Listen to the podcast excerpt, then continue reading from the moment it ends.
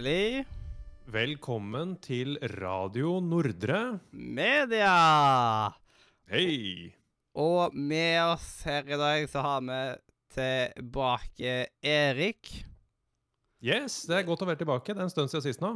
Ja, det var vel sist gang du hadde ferie en eller annen gang? Ja, det blir fort det når man er lærer, at det blir i feriene man samler seg opp.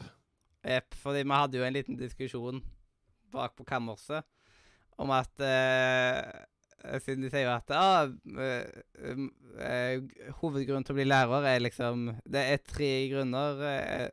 eh, juni, juli, august. Og så er det noen, noen som sier liksom vinterferie, sommerferie, høstferie.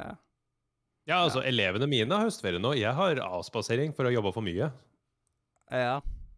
Så eh, egentlig derfor man må ha disse feriene, sånn at dere egentlig kan få den avspaseringsmengden dere skal ha. Ja, altså, det er jo så enkelt som at enten så må vi få betalt for overtida vi jobber, eller så må vi få avspasere gratis. Og da har eh, ja, både kommunen og regjeringen funnet ut at det er billigere å gi oss gratis avspasering enn betalt. Ja. Eh, så ja, lærere, lærere jobber jo mye mer enn det man tror, så derfor tenkte vi at det hadde vært så kult hvis noen hadde laga faktisk en serie der man liksom ser hvordan egentlig en arbeidshverdag til en lærer er. Da kunne de jo Ja. putta inn litt dramagreier inn i det, da, som at det, det ikke bare hadde vært som en dokumentar, på en måte, men at de faktisk gjorde det på den måten som det gjøres i Norge.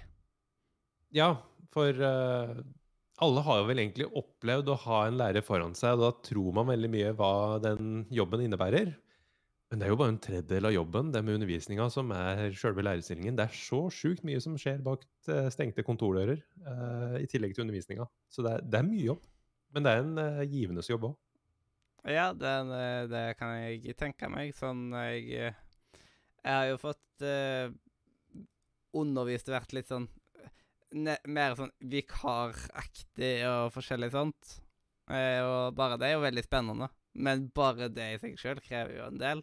Og det er liksom, det er bare en brøkdel av Ja. uh, det en lærerjobb er. Iallfall en kontaktlærerjobb. Ja. Så det, det å være vikar, det er intenst. Det er det. Og det, du får en smakebit av eh, hva lærerjobben innebærer, men uh, igjen, det er veldig mye mer enn bare undervisninga. Ja. For vikarer, de får jo betalt for timene de har. Og ja, Mm. that's it, vel. Jepp. Eh, og at de bare blir kasta ut til at eh, Ja, nå jobber vi med dette her. Ja. Eh, Da må du ha en undervisning på dette. Det er, det, er, eh, det er ikke lett å være en vikar, for du, du får jo som regel vite hva du skal undervise i kort tid før. Du vet som regel lite til ingenting om elevene og klassen. Så det er et krevende arbeid, også det å være vikar, på, på en annen måte enn det å være lærer. Men jeg kan se for meg at det, også det å være vikar er en givendes jobb. Mm. Men uh, vikar er jo mer sånn eh, et sånt mellomstadie fram til du faktisk får deg en skikkelig. Siden det Ja, vikar det er ikke en fast jobb, på en måte. Det, det blir i hvert fall vanskelig, og det kan være også utslitende. det kan jeg se For meg. For hvis du alltid skal være vikar i nye klasser hele tida, i hvert fall sånn som her i Oslo, da, hvor det er mange skoler som trenger vikarer, og man blir kasta litt fra klasserom til klasserom og fra skole til skole, så kan jeg se for meg at det er krevende. Og så kan jeg også se for meg at hvis man er på en liten bygd og er vikar der, og har den ene samme klassen, så er det kanskje litt lettere. Ja, men uh, da blir det ikke så veldig mange timer, og da blir det ikke så mye lønn. Nei, det er noe med det òg. Så, så det er sånn balansespill, det. Ja, du har liksom ikke Som vikar så har du ikke de sikkerhetene som en fast ansatt kontaktlærer. Mm. Og det er veldig viktig med litt sånn sikkerhet, og det er litt som å være eh, ekstrahjelp på butikk, liksom. Du er ikke sikra noen vakter, egentlig. Du bare, det er liksom det du klarer å få tak i, det er det du får, på en måte. Ja, og jeg husker jo den tida også, når jeg var på videregående og var ringevikar på Coop Extraen.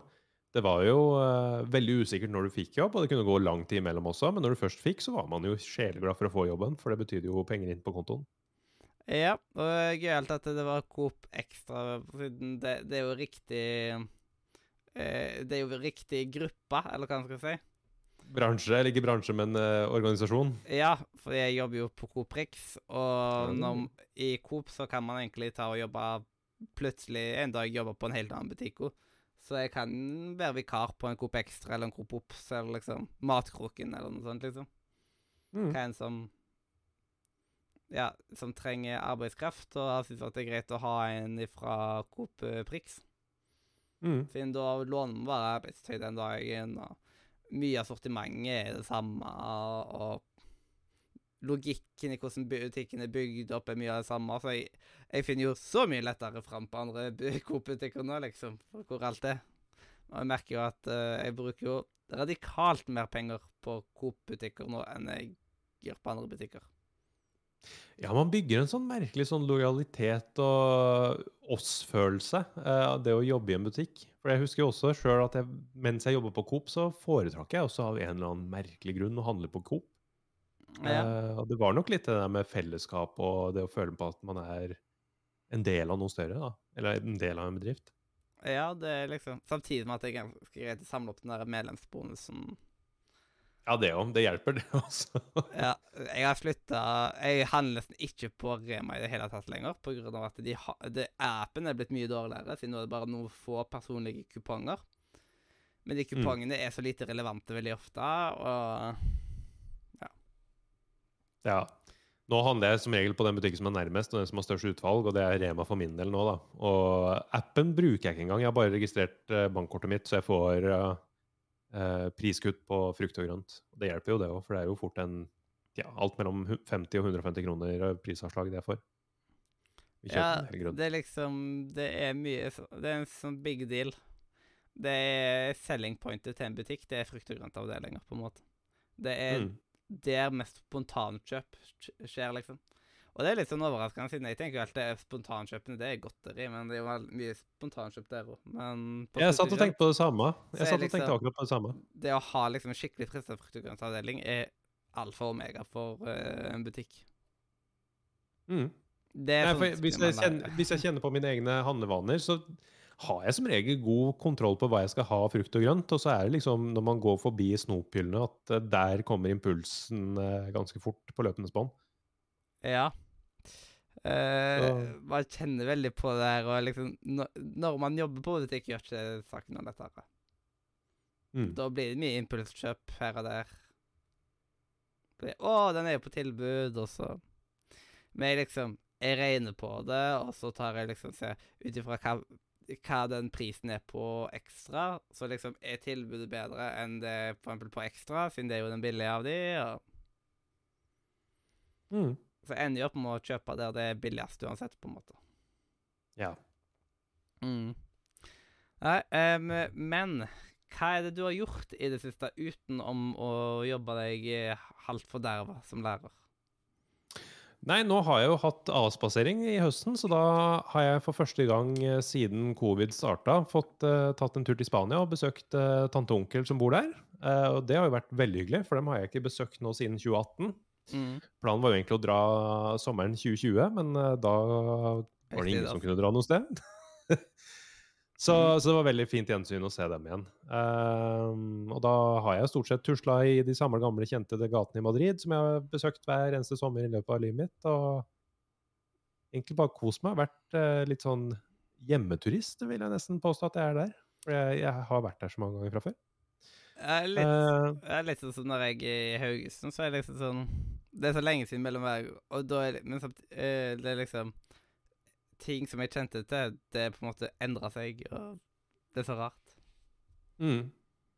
Og det gjelder jo litt for min del også. Særlig når det har gått fire år, så har det jo skjedd en god del med byen. Eh, min tante og onkel bor jo ganske nærme f.eks. den gamle stadion til Atletico Madrid. Og den ble jo revet eh, høsten 2018. Så når jeg gikk forbi der eh, tidligere denne uka her, så, så var den borte. Og så var det liksom nye leiligheter og blokker som var der istedenfor. Så det var en vemodig følelse. Men eh, det er vel kanskje sunnhetstegn også at byen er i utvikling. Ja, men det, det gjør liksom ofte vondt når man får impulsert steder man egentlig har vokst opp, og sånt, og at ting endrer seg på en måte. Eh, nærbutikken jeg hadde i Haugesund, den ble jo lagt ned etter 30 år med drift. Ja. Først så var han Rimi, eh, og Rimi ble jo etter hvert tatt over for at Ika tok over alle stedene som det var Rimi, liksom. Mm. Og så ble jo Ika Det ble kjøpt opp av Coop. Liksom mm. den norske avdelinga til Ika ble kjøpt opp av Coop. Og da ble de norske Ika-butikkene til Matkroken. Ja. Da har det skjedd ganske mye i løpet av de årene. Mm. Og da var han jo Matkroken en god del år, og jeg tenkte at ja, nå bør, de bør vel ha en større sikkerhet nå som de faktisk har Coop i ryggen. Mm. Sin, eh, men eh, etter hvert så gikk butikken konk. Ja. Og det var Men veldig altså- rart. Ja. Eh, og bortsett fra, fra feriering da, og besøk i familie, så har jeg fått plukka opp uh, to spill, uh, også i løpet av avspaseringa. Det første spillet som jeg har plukka opp, er Assassin's Creed Valhalla. Oi, ja, det må jeg få satt meg ned med snart. Ja, det er, jeg, jeg innså nå her om dagen at det er snart to år sia jeg kjøpte den. Eh, jeg var en av de der helliggrisene som, eh, som på launchdagen uh, fikk kjøpt den eh, eh, ultimate versjon, eller hva de kaller det, ja. pakka. Og så skulle den egentlig settes ned med 10 eh, men så var den lagt ut til 10% av prisen. Så jeg fikk kjøpt en versjon da, som egentlig skulle kosta sånn 1200 kroner til 150. Ja, Det var, jeg, det var en feil som lå ute i fem timer, og jeg var innafor det femtimersvinduet, da. ja, jeg var innafor det, og det var, det var jo mens jeg studerte eh, på UiA i Grimstad. Ja. Og eh, jeg hadde hjemmeskole akkurat da. For mye av det studiet, det var hjemmeskole. Mm. Og da hadde jeg Da fikk jeg jo med meg litt ting, da. Og da Kjempeflaks at eh, jeg fikk med meg det tilbudet. Nei, altså, jeg har nå to år etterpå da, begynt å benytte meg av det spillet. Uh, er vel sånn 20 timer uti, og syns det er ganske kos å være tilbake i Assassin's Creed-universet. Uh, det er jo en spillserie som jeg fulgte fra 1 til 4. Uh, og så ble jeg litt lei etter både Black Flag og også det franske spillet etterpå, nummer fem, som jeg ikke ja, husker. Ah, ikke, ikke Revelation, det var det ikke. Ah, nei, Syndicate. Syndicate, ja, for det prøvde jeg også. Eh, både når det launcha og en del år etterpå, når de hadde patcha det sammen. Eh, og da var jeg litt mett på Assassin's Creed. Eh, for jeg følte at det var en oppskrift som hadde blitt brukt om og om, og om igjen. Og nå har jeg endelig hoppa inn da i Valhalla og syns det er veldig kos å være tilbake. De har jo endra oppskriften på den serien ganske kraftig da i løpet av de siste spillene, innser Ja, jeg. ja, det er jo bra. Jeg, jeg var jo blant de få som likte Unity.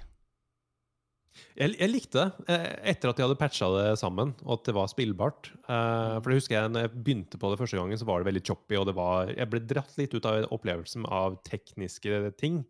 Eh, men sjølve konseptet, ideen og historien, jeg syns det var ganske bra. Jeg opplevde ikke en eneste bug i Unity. Nei, jeg opplevde få ting.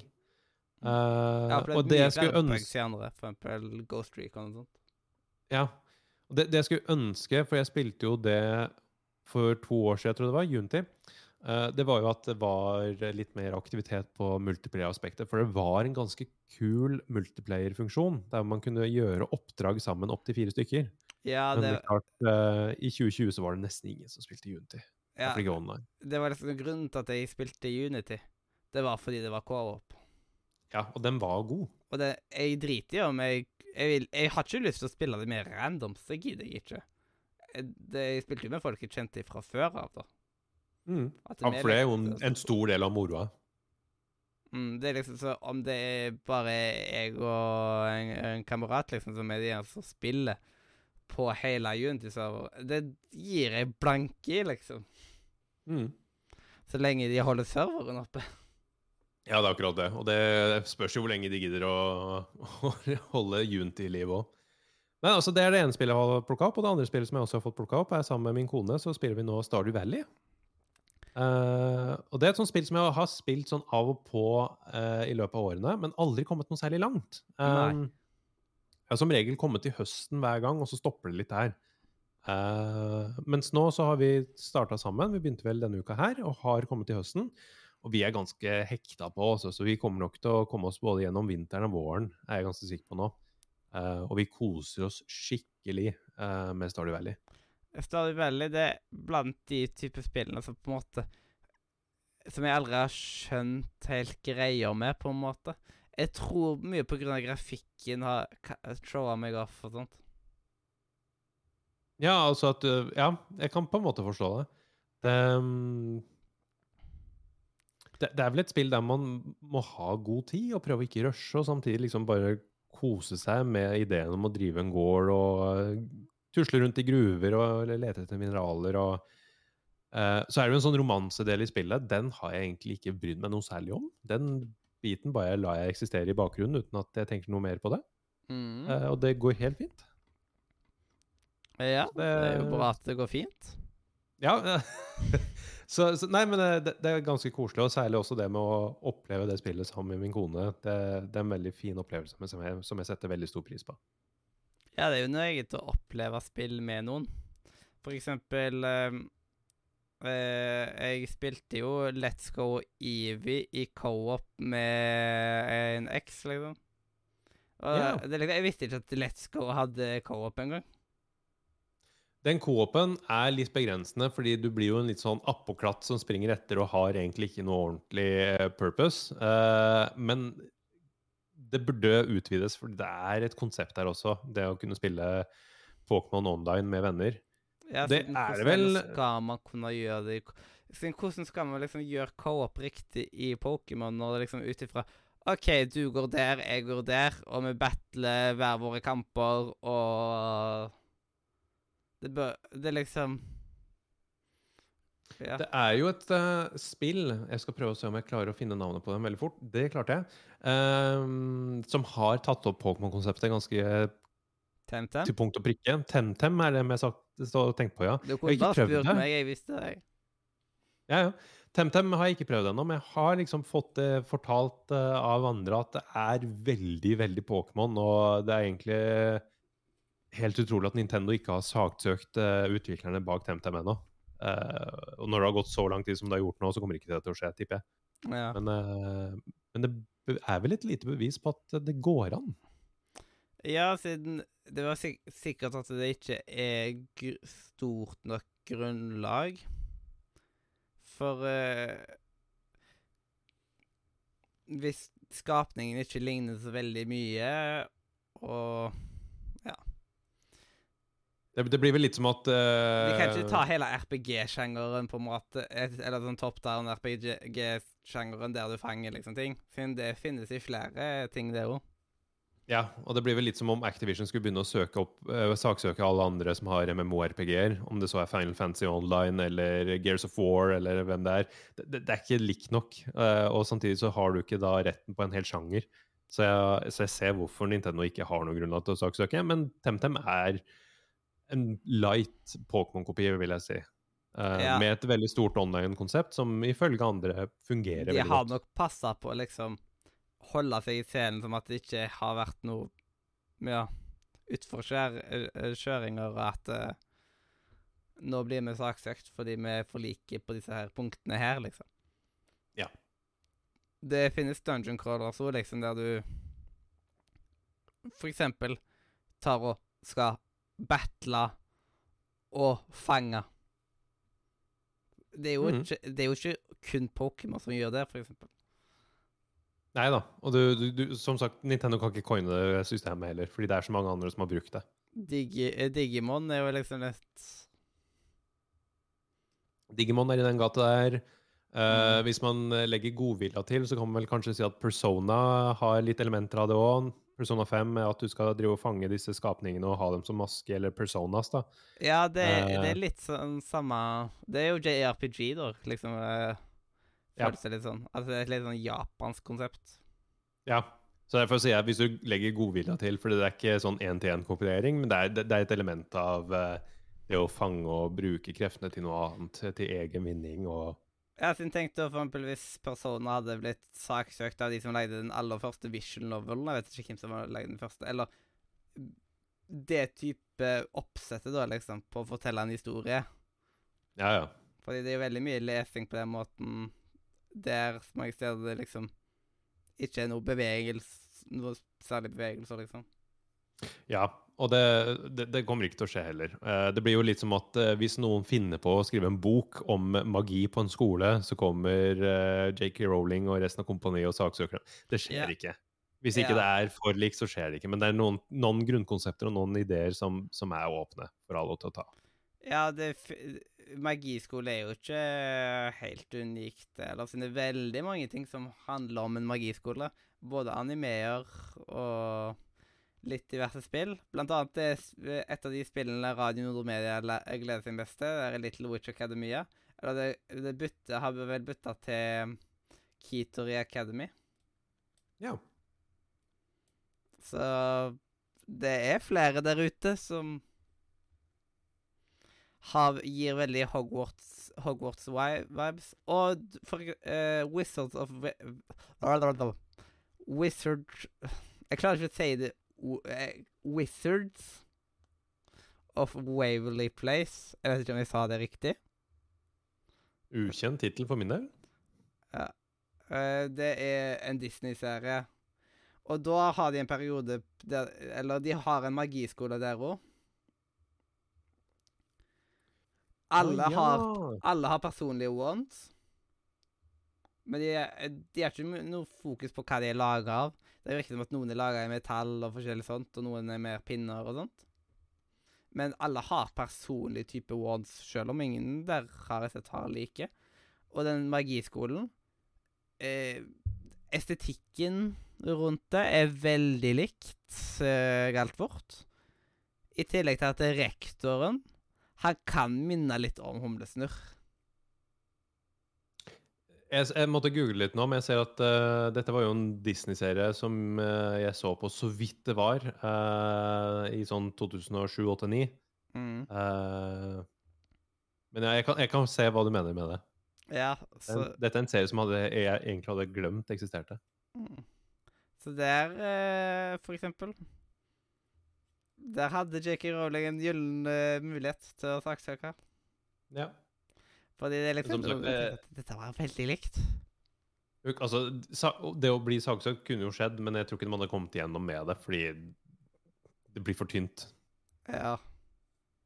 Det er liksom magiskole Ja, det gir veldig mening at magikere må gå på en magiskole. Det mm.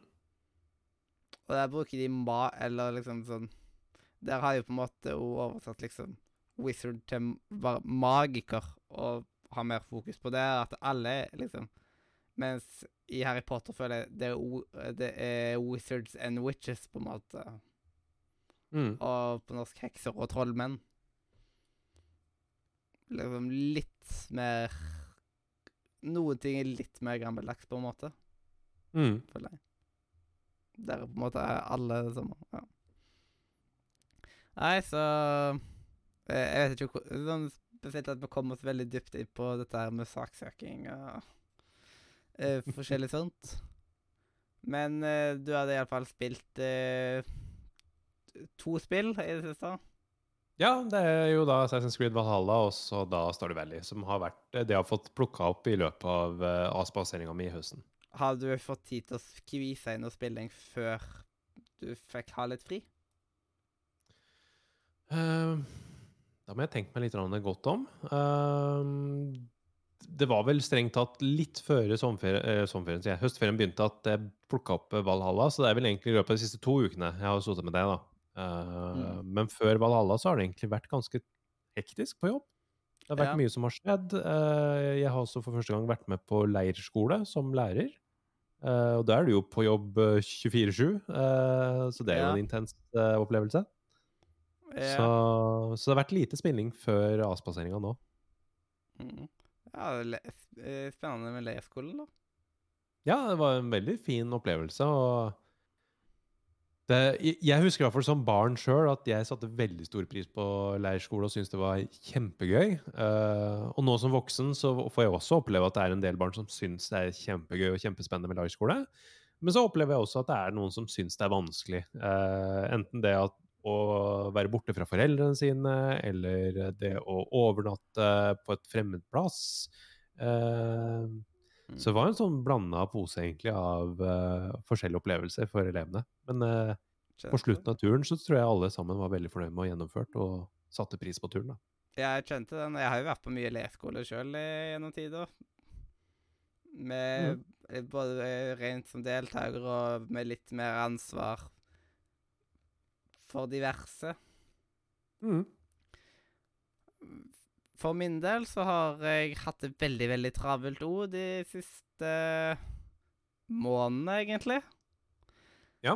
Det har gått i ett. Jeg har hatt en liten fridag i en sjelden gang i ny og ne. Mm. Litt for sjeldent, eh, egentlig. Liksom Men er det mye jobb da som det går i, eller hva er det som har opptatt eh, tida di? Ja, det er en god del arbeid.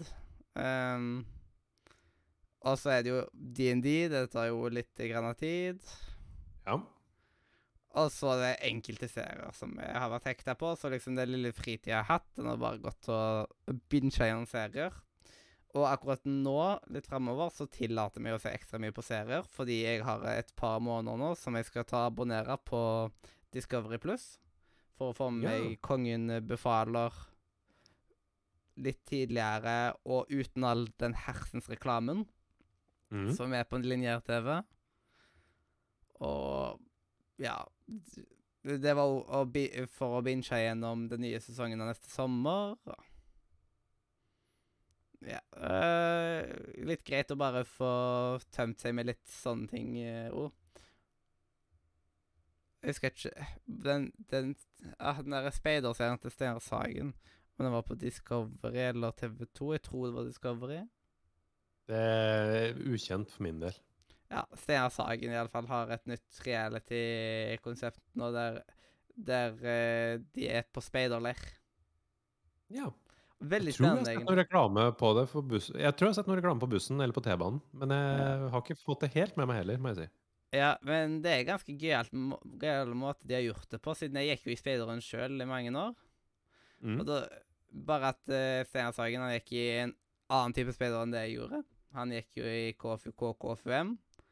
Jeg gikk i ja, Når jeg starta, så het det NMU, men det er liksom Norges Speiderforbund. Mm.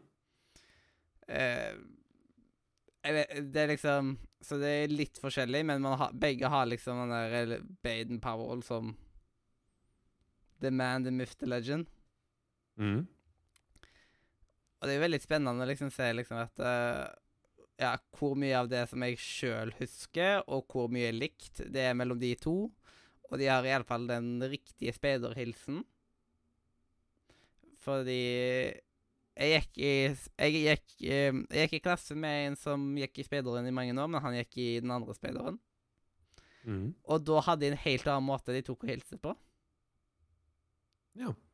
Eh, men den riktige måten er liksom eh, tre fingre, og så en sirkel, som er jordkloden. Mm. Og det var litt digg at endelig så fikk de vise litt igjen for hvordan speiderne Men jeg føler ikke at de viser skikkelig de mest heavy delene med det, på en måte. Fordi spe speideren er egentlig en leit versjon av militæret. Ja, fordi jeg, jeg kan ikke huske i det hele tatt Mens jeg vokste opp, så kjente jeg ingen som gikk på speideren. Eh, og det lurer jeg på om det er bare mangel på speidermiljø i Halden, eller om det bare var tilfeldig at jeg ikke kjente til noen. Uh, men det er først nå, etter at jeg flytta til Oslo i uh, 2020, da, at jeg har innsett at det finnes et speidermiljø i, i Norge. Eh, Det var ikke jeg klar over. Ja, Eh, det finnes to ganske store. Ja. Så, så jeg, jeg er litt sånn smått nysgjerrig på hva er det det egentlig innebærer. Eh, Jeg har fått det for meg litt at det er sånn praktisk naturfag med noe mer uh, type ting. Men jeg vet fortsatt ikke helt hva speideren innebærer. Ja, kanskje, Utover det, kanskje speideren bare er en stor kult. Det kan hende. Ja. Ja, um, eh, det er jo på en måte eh, veldig mye det der å lære seg å overleve ute i naturen. mm, Så igjen, mye av det som egentlig foregår i militæret, fordi i militæret så har de veldig mange ganger at de skal ut i skauen og i noen dager og sånt. Og for eksempel på speiderleir, som er liksom en årlig greie, som er liksom høydepunktet for alle speidere. Da de reiser en uke på leir, og da er liksom de bygger hele leiren eh, med trestokker og sisal. Mm. Det finnes ikke noe hammer og spiker i speideren. Nei, det er derfor jeg sier at jeg, jeg- jeg får litt inntrykk av at det er en sånn naturfag light. Eh, bare den praktiske delen av naturfag, det med å være ute på tur og vite hvordan man skal ta seg fram i terreng, og Ja, siden det er jo mye man skal kart og kompass og forskjellig sånt. Ja, og den biten også med å vite hvordan tenne opp et bål, hvordan eh, hanke inn ressurser, hvordan bruke naturen til din egen vinning, egentlig, eh, når man er på tur. Ja, og man er jo på haiko, der man går i veldig mange timer. Litt ord som du har sett på Kompani Lauritzen. Det er egentlig haik de holder på med der, liksom. Basically. Eh, og at eh, Bare at der så sover de i telt veldig ofte på, eh, på de turene sine. Hvis ikke de Mm. har Nå skal dere klare dere sjøl og sette opp en leir. Da liksom vi har hatt På haik så har vi med en presenning. Mm. Og den presenninga, det er den man skal sove i. Så da Ja. setter man jo den liksom som at, man, at det blir lunt der og forskjellig sånt, da. Så det Mm. er jo Så jeg lurer på hvordan eh, Hvis det er noen av de For eksempel Henrik Maurstad hadde jeg elska å sett på Kompani Lauritzen, fordi han er en gammel speider som husker veldig, veldig mye. Og til ting Mm. som er liksom eh, Litt som at eh, militæret har dette eh, Det er vel revelje de kaller det? Det vet jeg ikke. Ja. Eh, så er det liksom på speiderleir og sånn, så skal jo alle opp eh, eh, klokka seks, eller noe sånt. Mm. Eh, og det er liksom Man skal heise flagget. Så det gjør man hver morgen. Mm. Bare at da er det jo liksom en egen flaggsang og forskjellig sånt. da. Mm. Uh, en sang jeg ble sykt lei av etter hvert. Ja. Ja, den ser jeg. Ja, så det er, det er liksom sånn uh, Jeg skjønner ikke hvor sånn, I familien min så var det bare at alle i familien min har gått på speideren, og derfor gikk jeg på speideren. Og jeg er en person som ikke slutter med ting med det første. Ja. Så, eh, er sånn sett ganske trofast på ting jeg går på. Og derfor så gikk jeg det fram til jeg ble rover. Ja. Og etter, når, det, når vi ble rover, så var det ikke noe skikkelig opplegg for oss lenger. Og da, da hoppa vi veldig naturlig av. Og så flytta jeg til Stavanger, og da ble det veldig naturlig brudd. Ja. Så da Ja, etter hvert så var jeg liksom Så da ble jeg jo etter hvert utmeldt av speideren. Mm. Men eh, jeg har jo mye gode minner med det, liksom. Og det var jo vennskap sånn som holdt meg der. Og jeg har jo liksom aldri sett på meg sjøl som en veldig sånn praktisk person heller, men plutselig så er det enkelte typer ting som jeg kan, og så var Jeg kan se for meg at det er en god erfaring å ha. Ja. Det eh, Det er det. Men det er ikke like fort gjort å få merker som de gjør i det der speiderprogrammet til Steinar. Spesielt nå i senere tid. Før så var det mye, kort, mye mindre som krevde for å få et merke. Mens nå så er det liksom Så tar det flere uker egentlig å opparbeide seg et merke. Ja. Og eh, man hadde jo lyst på flest mulig merker. Det var liksom en greie, det. Men de Jeg tror de oppdaterte det systemet rundt den tida jeg starta der. Mm. Så det er liksom, du hadde et lite innblikk i speideren iallfall. Og så hadde det pling på telefonen, fordi jeg, har, jeg klarer ikke å mute de reverselslydene varselslydene lenger. Siden jeg fikk det til en gang, og så nå tuller det. Nei da, men det høres ut som en fin aktivitet for barn og ungdom, det også. Ja, det er jo ganske fin måte å komme seg litt ut, uansett hva eh, eh, slags vær det er. Og i Haugesund så, er det, eh, så pleier det å variere mellom eh, vind, regn, regn og vind, bare regn. Ja, cirka det. Ja. Så jeg kan, jeg kan ikke huske veldig mange sånn Å, den dagen så var det fint vær. Jeg kan ikke huske mange sånne dager. Nei, det er litt forskjell til her i Oslo, for her er det ganske stabilt og fint og lunt. Så Og sånn som i dag, så er det jo fint vær og sol, så, så det er ganske greit. Ja, sånn, sånn var det ikke i Haugesund. Uh, og flere som har besøkt henne, de sa at å, det var så kaldt, og det blåste så mye, og det regna så mye, og bare sånn Ja, Haugesund kan minne litt om Bergen på været. Mm. Bare at det blåser en del mer i Haugesund. Ja. Og Bergen har litt mer millimeter i året. Det kan jeg se for meg. Men det er ikke så stor forskjell. Ehm, men eh, jeg vet ikke hva jeg skal si av eh, det jeg sjøl har gjort i det siste utenom, eh, på en måte. Det er i hvert fall gøy å starte med sesong to av Kjære landsmenn. Ja. Og Forræder er jo blitt et av mine nye yndlingsprogram. Dette er en del serier som du nevner som jeg aldri har sett, så jeg har ingen uh, tilknytning til det, egentlig. Ja, det er basically Among us og mafia og alt mulig sånt i virkeligheten.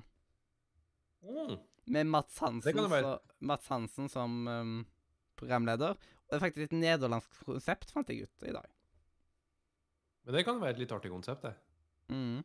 Kan jeg forestille meg. Siden da er det jo ja, 20 kjendiser eller noe sånt. Som eh, er på et veldig sånt, veldig sånt fint gods eller noe sånt. Og det er litt sånn creepy stemning over hele stedet. Det er tre forrædere som møtes hver natt og blir enige om hvem de skal uh, Ja eh, Hvem de skal eliminere. De bruker ikke De er veldig forsiktige med ordene de bruker. Så de snakker, sier ikke 'drepe' eller sånne type ting, og det er sikkert at de snakker på Ukraina og alt mulig sånt. Mm. At de er veldig forsiktige, og at uh, det er liksom 'eliminere' og 'forvise'. Det er de to ordene de bruker.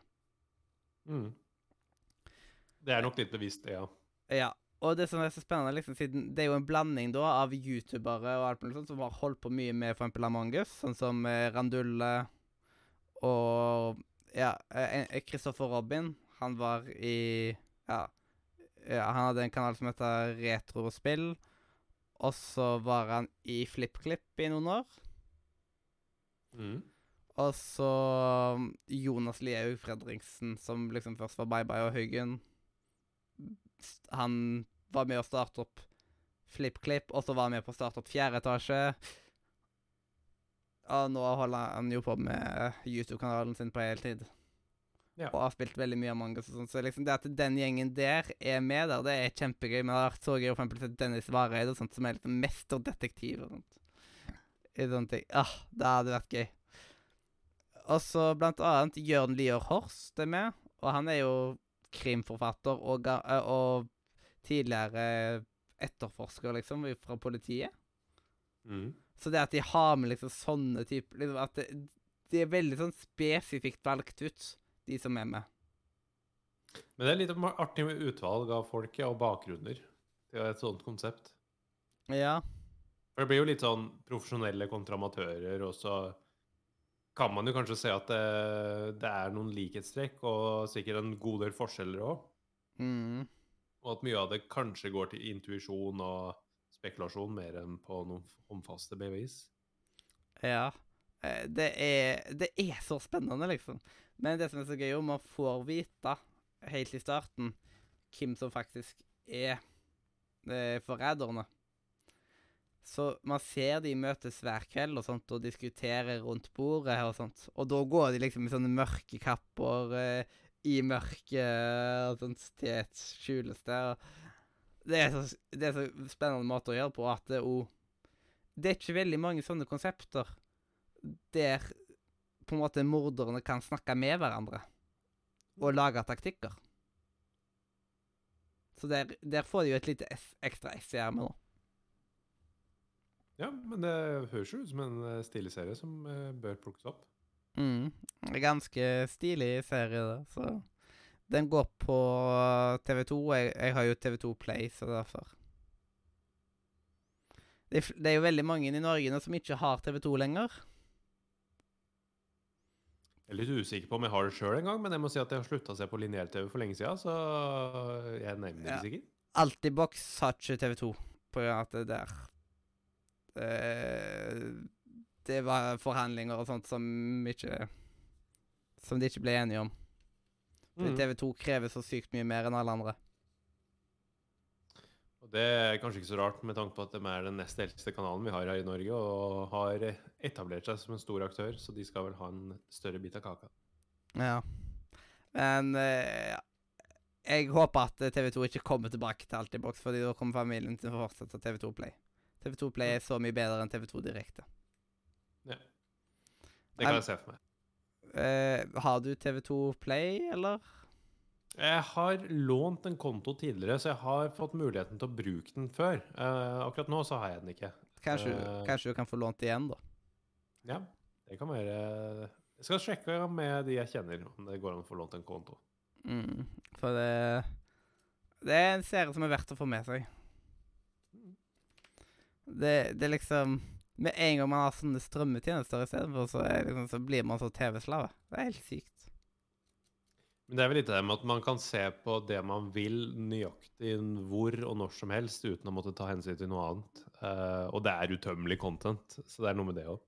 Ja, det, det er farlige greier. Ja, egentlig. Hvis man ikke er forsiktig, så er det det. Men jeg er veldig kresen på det jeg skal se på O, så da hjelper jo det litt. Så jeg har liksom noen serier som venter uk hver uke på nye episoder. Man må ha noen sånne serier man bare venter på neste episode av. Mm. Men eh, da kan vi vel eh, gå videre til ukens rym, syns du ikke det? Jo, men det høres fint ut, det. Ja, da, da skal vi få høre en stemme vi ikke har fått hørt på en god stund, nemlig Jon Edvard sin eh, flotte stemme. Ukens rym. Det er På tide å rymme litt. Yes. Mhm, ikke ta det, ut av kontekst. Eller ikke si det på feil måte. Og hva er det vi skal rymme denne uka her? I denne uka her så skal vi rett og slett ta og rømme eh, liksom dette her eh, konseptet gamingstol. Ja. Blant annet det som jeg sitter oppå her. Eh, Det ser ikke ut som du sitter i. Jeg hadde en gamingstol, men akkurat nå så sitter jeg da på Jeg vet ikke om det synes på kamera. eh, en helt vanlig Ikea kontorstol. Oi, oi, oi. Fancy. Eh, hva skjedde med gamingstolen? Um, den fikk jeg jo som en gave til jul for to år siden. Uh, og den ble jo brukt uh, så godt som daglig. Eh, men både jeg og min kone syns den var litt ukomfortabel å sitte på, fordi du fikk aldri noe ordentlig støtte i korsryggen. Um, og det var en sånn egen sånn korsryggpute som fulgte med den gamingstolen. Uh, men vi fant ut nå når vi flytta i januar eh, 2022, at kanskje vi skal få oss en ordentlig stol, sånn at vi ikke får vondt av å sitte foran PC-en. Eh, og da bytta vi over til Ikea sine, som er ganske enkle av seg. Men de er mye, mye bedre enn den gamingstolen som vi hadde. Eh, skal jeg starte med å rimme gamingstol, da? Ja. Jeg er jo veldig glad i gamingstol, siden det ser For det første, det ser veldig stilig ut. Og sånn som Færøyvåg sier, at eh, ja, jeg er jo skikkelig gamer, har jo gamingstol og greier. Mm. En liten referanse til Noscope der. Eh, jeg syns at de er behagelige å sitte i, og at eh, man kan ta ryggen ned ganske mye. At den er så justerbar på så mange områder. Så liksom Jeg føler det mest naturlig å ha sånn Jeg har hatt diverse kontorstoler og, som jeg aldri har vært fornøyd med. Så derfor er det Og nå har jeg slet ut rumpa på denne stolen her, så jeg må jo snart gå til innkjøp til en ny stol. Nå bruker jeg et teppe på selve stolen for at rumpa mi ikke skal slite ut resten av setet med en gang. Mm. Så for meg så er, er det unaturlig å gi det annet enn en tier. Ja. For da tror jeg vi er litt sånn på hver vår side av spekteret. For uh, jeg har jo prøvd en del forskjellige gamingstoler opp igjennom. Men jeg konkluderer alltid med at så fort noen møbelforhandlere begynner å si at dette her er gaming, sett inn navn her. Gamingstol, gamingskrivebord, gaming uh, uh, lykt, hva, hva du enn vil. Gaming joggesko. Altså det er så mye gamingutstyr som finnes der ute som er bare tøv. Det er bare ting som du får tittelen gaming bare for å selge mer. Eh, Så jeg har bare innsett at det meste som heter noe med gaming, er lavere kvalitetsprodukter som blir satt opp i pris bare fordi det står gaming. Så, så, så min erfaring med kontorstol er kanskje sånn tre av ti. Oi, oi, oi. Ja, det var hver vår side av spekteret, så da endte vi opp på 6,5 av 10. Ja. Og det fikk samme score som digital DND ja. og det å lage mat. Og dikt. Så det er jo litt ja. gøy å se hva det har fått samme score som. Jeg vet ikke om jeg har lyst til å si at den gamle gamingstolen min var som å skrive dikt, men eh, For ordens skyld, da, den eh, gamingstolen jeg hadde tidligere, var en Svai Phoenix ESGR. Tier 3 gamingstol. Så det var Nei. ikke noe ræl. Det var ordentlige greier, men uh, nei. Ja, du hadde jo å- gamingstol og greier. Ja. Ja, jeg klarte aldri å få en sånn ordentlig korsryggvennskap med den stolen. ja. Det er ikke alle som passer uh som passer det. Noen uh, har jo ja, Det finnes jo veldig mange sånne utrolig myke og gode kontorstoler der ute. Det viktigste Ja. for meg er at jeg har liksom hodestøtte. Ja. Jeg kan ikke ikke ha en stol som går under. Det trodde jeg at jeg heller ikke kunne ha, men den Ikea-stolen som jeg har nå, den eh, går meg bare til skuldrene, og så må jeg støtte opp hodet sjøl. Og det, det funker jo ganske greit. Men jeg var også litt der før jeg fikk stolen at uh, Tør jeg det? Vil jeg ha det? Blir det ikke dumt? Trer jeg ikke den nakkestøtten? Tilvenning, det òg. Jeg har ikke nak den nakkestøtten på kontorstolen på jobb, dessverre. Mm. Men sjefen derimot, de har det. Ja ja, men sjefene skal ha ordentlige greier, vet du. Ja. Det, det er viktig at de har ordentlige greier. Og så er det så viktig, fordi de er sjef, så de, de, de kan ikke være sjef uten at de ser sjef ut. Og så er det lettere å investere i én sjefsstol istedenfor til 40, 50, 60, 70 ansatte, for det blir så dyrt. Det er mer enn som så. Eh, det er vel nærmere ah, Hvor mange var det? Eh, 2000 ansatte, eller noe sånt? Ja, ja, men du, du, du kan ikke kjøpe kontorstol til 2000 ansatte som er ordentlig. Du, du, må jo bare ha én sjef som ordentlig greier, så at hele Ja. bedriften vet at han er sjef. Eller hun er sjef. Ja. Så liksom IT-direktøren har jo litt finere stol, og så er det jo typisk rektor, universitetsdirektøren Og sikkert eh, dekanene for de forskjellige fakultetene. Ja, men de skal jo ha sånn ordentlig ergonomisk stol som eh, ser dritstøkk ut, men som er megaergonomisk og koster minst 10 000 kroner eller oppover. Ja, siden det er jo en ting de fokuserer på. Stolene også skal være veldig ergonomiske. Og en av stolene Jeg skjønner ikke konseptet med dem, men liksom setet går liksom nedover, så man føler at man sklir hver gang man sitter på den. Mm. Så man, man har det og sånne yogaballer. Men det tipper jeg, uten å vite noe som helst, det, det er bare meg som spekulerer, men jeg tipper at det at setet skal gli litt nedover, det er at du ikke skal liksom havne i den der eh, eh, skrukkeposisjonen der hvor du liksom bøyer ryggen og korsryggen framover, og at eh, du må liksom rette deg opp, og du må faktisk bruke beina litt og sette deg ordentlig opp. Da. Ja, jeg nekter å bruke de stolene der i lunsjen. Jeg, Vil jeg gjette. Jeg sitter i sofaen, jeg. Ja, og så er det vel sikkert det også at du ikke skal ha lyst til å sitte der hele dagen, men at det ergonomiske er å reise seg opp, bevege seg litt, så sette seg ned igjen, sitte maks i tre kvarter, bevege seg igjen. Og det må du vel når du har en sånn type stol. Ja, det, det er jo sant. Eh, mens den jeg har på kontoret, er heldigvis en del bedre enn det, da. Mm. Og jeg, jeg, det er nok eh, den stolen jeg kommer til å benytte når jeg skal ha en, et DND-maraton Ja. i- senere i høst. En søndag i høst så skal mandags DND-gruppa mi ha liksom en DND-session over veldig mange timer. At vi starter klokka tolv og holder på til godt på kveldinga. Mm. Bare for å ha sånne skikkelig lange og gode session, der folk har med seg massevis av usunt dritt. Eh, jeg vet at eh, noen av de har tenkt å ha med seg pils og forskjellig sånt. Mm. Så da, da skal de kose seg skikkelig. Jeg kommer vel til å bunkre opp energidrikker og sånt. Ja. Og da må jeg sitte i en skikkelig stol de timene. Ja, de- men i, i, i sånne settinger så vil man ha en godstol. Man har ikke lyst på en eh, kontorstol, man vil ha en godstol. Ja. Eh, og det, det er jo en uskreven regel at DM skal alltid ha den beste stolen. Egentlig det vi skulle hatt, er en sånn gaming stressless-stol som klarer å tilte under eh, kontorpulthøyden. Ja. Det er sant. Nei, sånn øh, uh, Og de sessionene i Haugesund, så jeg har hatt noen DND-sessioner der òg. Og da har jeg brukt Nordre Media sin gamingstol til, som DM-stol, da. Mm. Og det har vært veldig chill.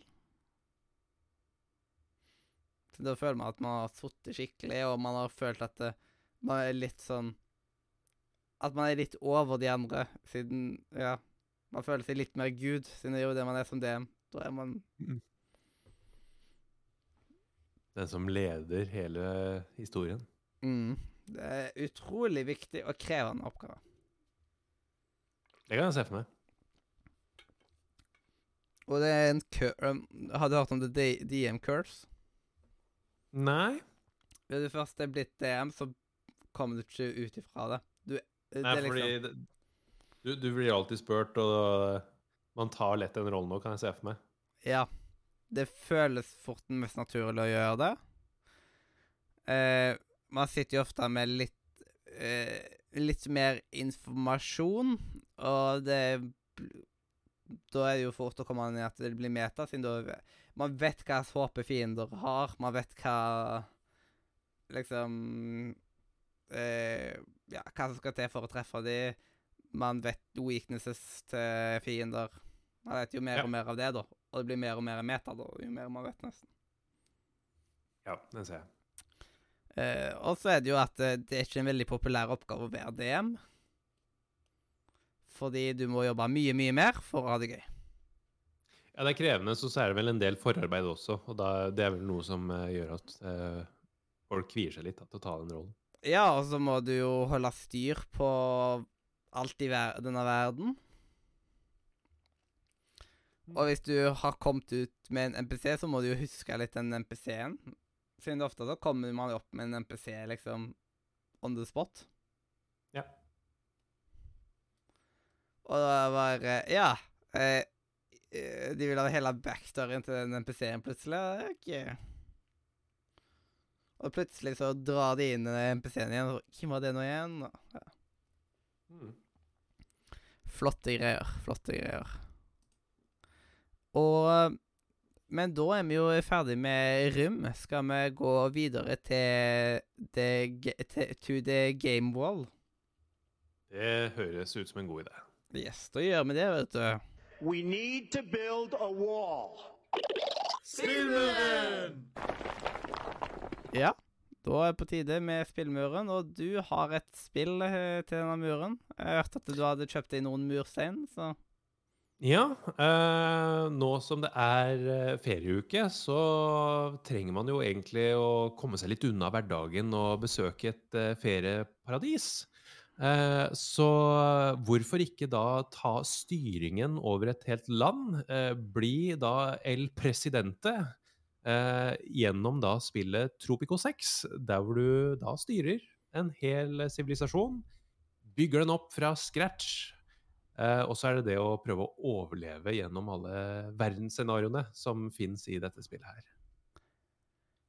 Eh, Tropico 6 fikk jo faktisk eh, en eh, Ja, vi har bytta Jeg har funnet navnet Spillkveldpris. Siden det er det som er liksom Game of the Year-sendinga, da gir vi ut spillkveldpriser da, innenfor forskjellige kategorier, vet du. Mm. Eh, siden, når vi har bare kalt det Spillkveldprisen, da. Av enkelthetens skyld. Og Tropico 6 den fikk jo faktisk da årets strategispill. Ja. Uh, og det er jo et lite strategispill der hvor du, uh, veldig kort fortalt, da, du, du starter med å være verdensleder for et uh, land, Tropico, som sannsynligvis ligger i Mellom-Amerika.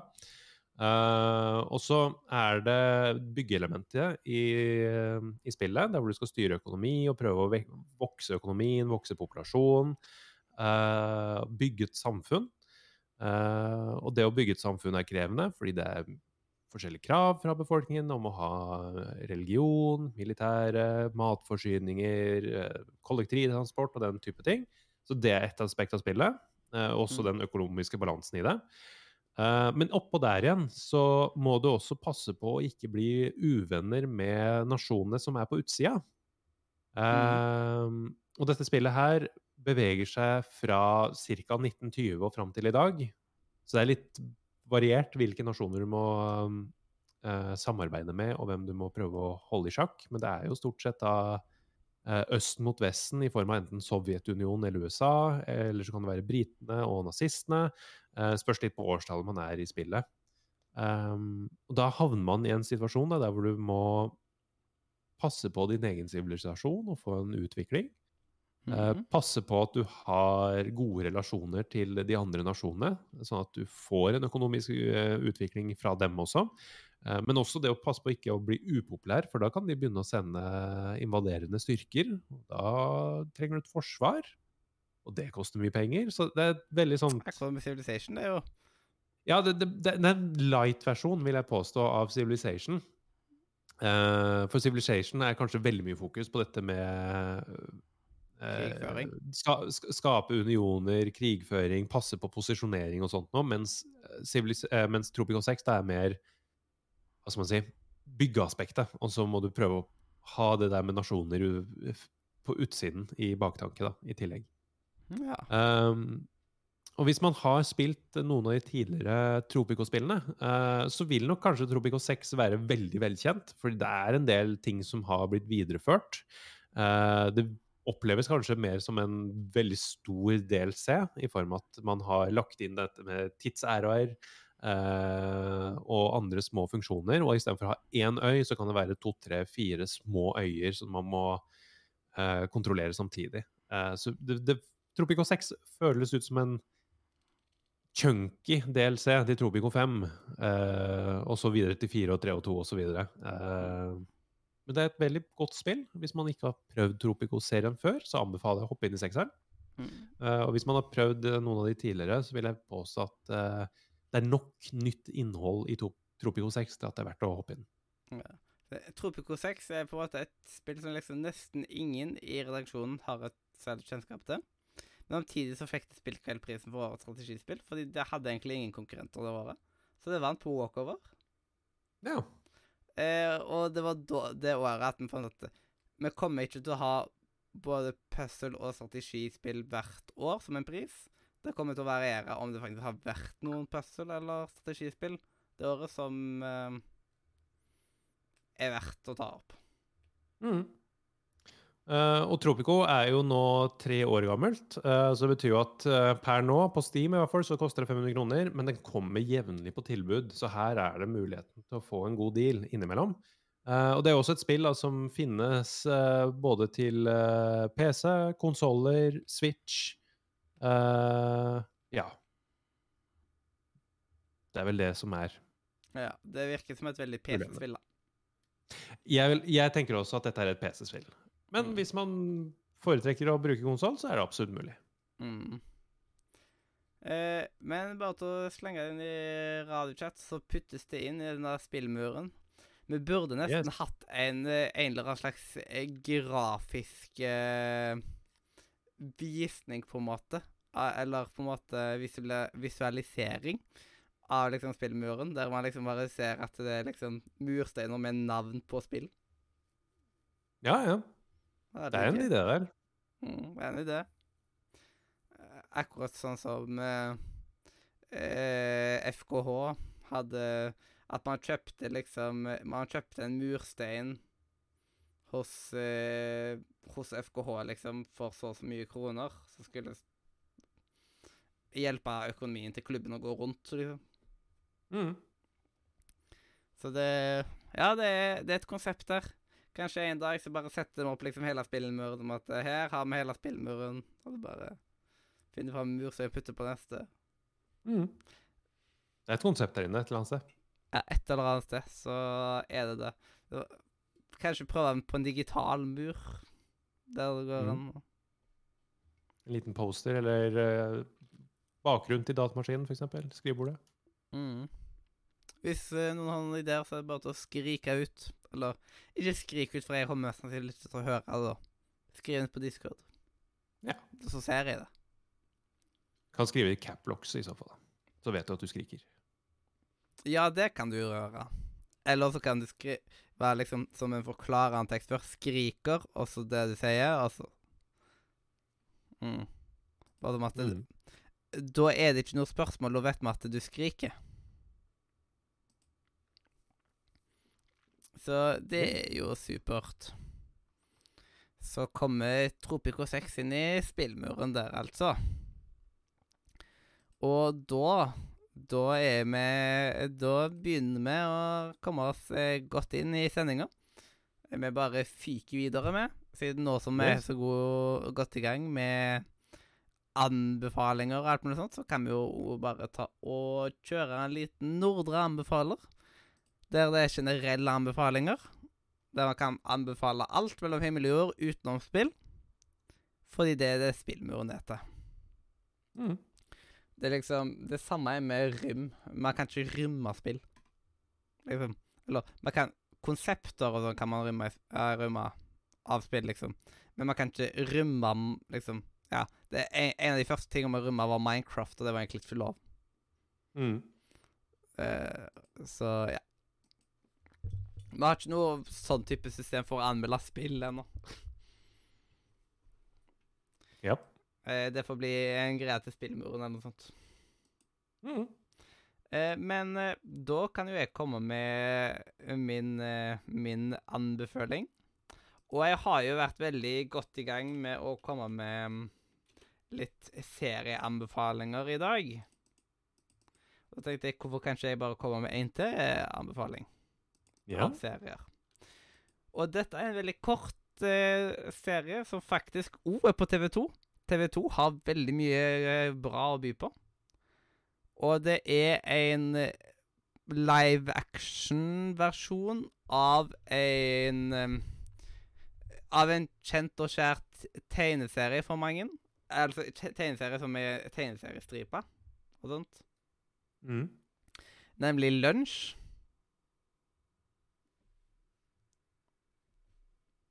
Så Og det føles Den, se, den Lunsj-serien, da, det føles ut som basically en norsk versjon av The Office. Det er som å se på en norsk The Office. Ja, for nå måtte jeg google opp uh, bildet bare for å få litt inntrykk. Og jeg får jo også litt sånn med en gang kontor-mockumentary-vibber. Ja, det er Bare at det, det er ikke mokumentar heller, på en måte, siden eh, Men det er en Office-hverdag, ja. Men de lager liksom ikke en dokumentar, så det er ikke at de Det er ikke med talking heads og sånt. Mm. Jeg kjenner at Er, det like, er det like bra som The Office? Fordi jeg så jo The Office for første gang i år. Uh, og har kommet meg gjennom alle ni sesongene og syns det er helt fantastisk. ja, det er gøy. Det er gøy at du har fått gjennom alle ni sesongene av The Office i år. Jeg har sett igjennom The Office tre ganger i år, tror jeg. I år, bare? ja. ja. Ja, eh, det er på grunn av at jeg kom over en podkast. Sånt, og så, ja. Eh, eh, jeg fant alltid en eller annen unnskyldning for å sette på The Office. Det er blitt en serie som jeg er blitt veldig glad i. Ja, altså, det er jo en kongeserie, så det er ikke noe å si på det. Som har forma meg og utvikla meg og gjort at jeg er blitt den jeg er i dag. Ja. Mm. Eh, de er gode på hver sine måter. ja, for det er ikke samme type humoren, vil jeg da anta. Ja, et, eh, det er ikke den samme type humoren, men det er liksom sånn Man kjenner litt den samme type stemninger, på en måte. Ja. At uh, man er med de i arbeidshverdagen, og man har de forskjellige, liksom En av tingene det ko- kommer jo opp på TikTok, faktisk. OK. Uh, Ut ifra at det er fredag ettermiddag, og folk vil jo komme tidlig hjem da.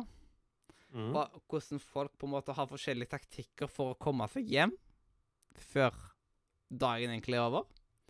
Og at mm. det, dette konseptet Man skal ikke putte et møte klokka tre eller noe sånt på en fredag, liksom. Ja, det er upopulært. Ja. Vi hadde jo, vi hadde jo faktisk eh, et eh, seksjonsmøte på en fredag fra klokka to til halv fire, eller noe sånt. I Grimstad. Grimstad. Så det er ekstra lang vei hjemme i tillegg, så jeg eh, var jo ikke hjemme før halv fem den dagen. Mm. Så det var jo litt Ja. Eh, Vi, vi sa ifra at eh, vi likte ikke å ha det som et tidspunkt, så sjefen skjønte det at han hadde drept på draget med tidspunktet. Mm. Eh, men ja, veldig interessant å se hvordan de da i lunsj kommer seg hjem. At en person sier at liksom tar avspasering. Eh, liksom siden Det er jo på en måte stigma må, når du skal gå over til fra arbeidsplassen. Og nesten mm. føler at du må forklare deg hvorfor du går hjem. Eh, så var det en med avspasering, og så var det en planter. At du liksom tok og planta bagasjen din lenger framme og sånt. Som mm. at eh, de, du gikk jo ikke med ting. Så da tenkte ikke folk at de skulle gå. Og så var det en som liksom skulle late som at eh, han eh, måtte eh, liksom fikk en telefon og måtte gjøre et eller annet viktig. Det er så interessant å bare se hvordan Ja, det forskjellige kom seg ut. Fordi i dag, sånn som etter, sånn, etter covid, så er det lettest å bare si jeg tar hjemmekontor resten av dagen, og så er du ferdig med det. Ja. Det er blitt Men det var eh, I lunsj så hadde jeg ikke tatt med at covid er en ting.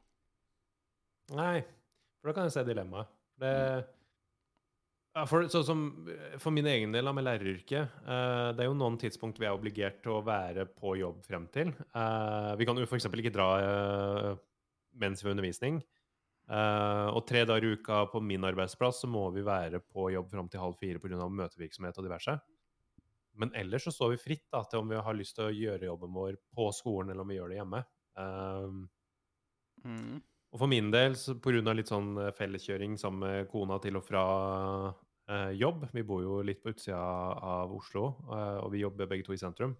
Uh, så kjører vi sammen, og da blir vi begge to sittende egentlig til halv fire-fire før vi stikker av gårde. Så det er ikke et dilemma for min del, men jeg, jeg, jeg registrerer jo at alle rundt har sine egne strategier, da. Mm. Eh, hvis man vil kalle det for det. Eh, for hvordan man kommer seg av gårde tidlig. De dagene man kan. Og fredagen er jo en av de dagene man kan dra tidlig. Ja, det er, det er jo greit å ha liksom Dra hjem tidlig på en fredag, uansett om det er at du får at du skal jobbe på hjemmekontor, eller hva det er. Mm. Jeg har jo kombinert hjemmekontor med Haugesunds tur og sånt, jeg, så jeg har liksom dratt til Haugesund og hatt hjemmekontor på dagtid, og så har jeg vært i Haugesund på kveldstid, liksom. Det, Ja. eh, det er nok av ting jeg kan gjøre da, siden jeg har jo perioder der jeg bare skal redigere. Blant annet så holder jeg jo på med å redigere liksom, Siden det er en av de ting, grunnene til at jeg har veldig mye arbeid for tida. Fordi jeg Mhm. holder på med å Ja, jeg har egentlig hatt hoved, opp, hovedansvaret for produksjonen av en EVU for kulturskolelærere. Mm. Og det er jo et etter- og videreutdanningsemne. Så det er over en terabyte med video. Mm. Bare for, når vi møttes i Oslo, vet du, så holdt jeg på med den EVU-en. Siden det var for å filme og sånt. Og bare fra Oslo er det nesten en terabyte Ja. med video. Og det er ganske sykt. Det er mye content. Ja, der er det jo filma i 4K og full pakke, liksom.